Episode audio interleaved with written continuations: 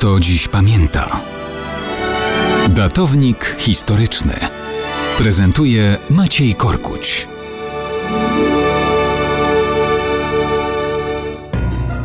Mało kto dziś pamięta o tym, że 14 grudnia 1911 roku zakończył się pasjonujący wyścig, od którego niewątpliwie wiało chłodem. No nic dziwnego, że wiało. Wszak Antarktyda to takie miejsce na Ziemi, gdzie czego jak czego, ale chłodu na pewno nie brakuje. Wyścig, o którym mowa, łączy się przede wszystkim z nazwiskiem norweskiego badacza i odkrywcy Roalda Amundsena. Można powiedzieć, że na lodowych wyprawach zjadł zęby.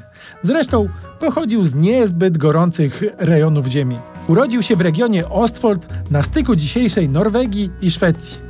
Nadmiernych upałów, delikatnie mówiąc, w norweskiej ojczyźnie nie doznał. Już mając dwadzieścia kilka lat, uczestniczył w wyprawach na Antarktydę i do Arktyki. Chciał jako pierwszy dotrzeć na biegun północny, ale nie on jeden. Teoretycznie ubiegł go Amerykanin Robert Perry, chociaż od razu podniósł się chór takich, którzy to kwestionowali. Niezależnie od tego, szybko Amundsen zmienił plan. Teraz chodziło o zdobycie bieguna południowego.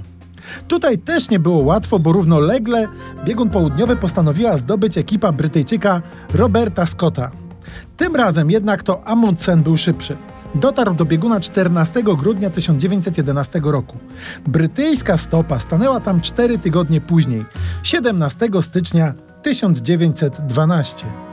W tej sytuacji to Amundsen przeszedł do historii jako zdobywca bieguna, zwycięzca wyścigu, od którego niewątpliwie wiało chłodem.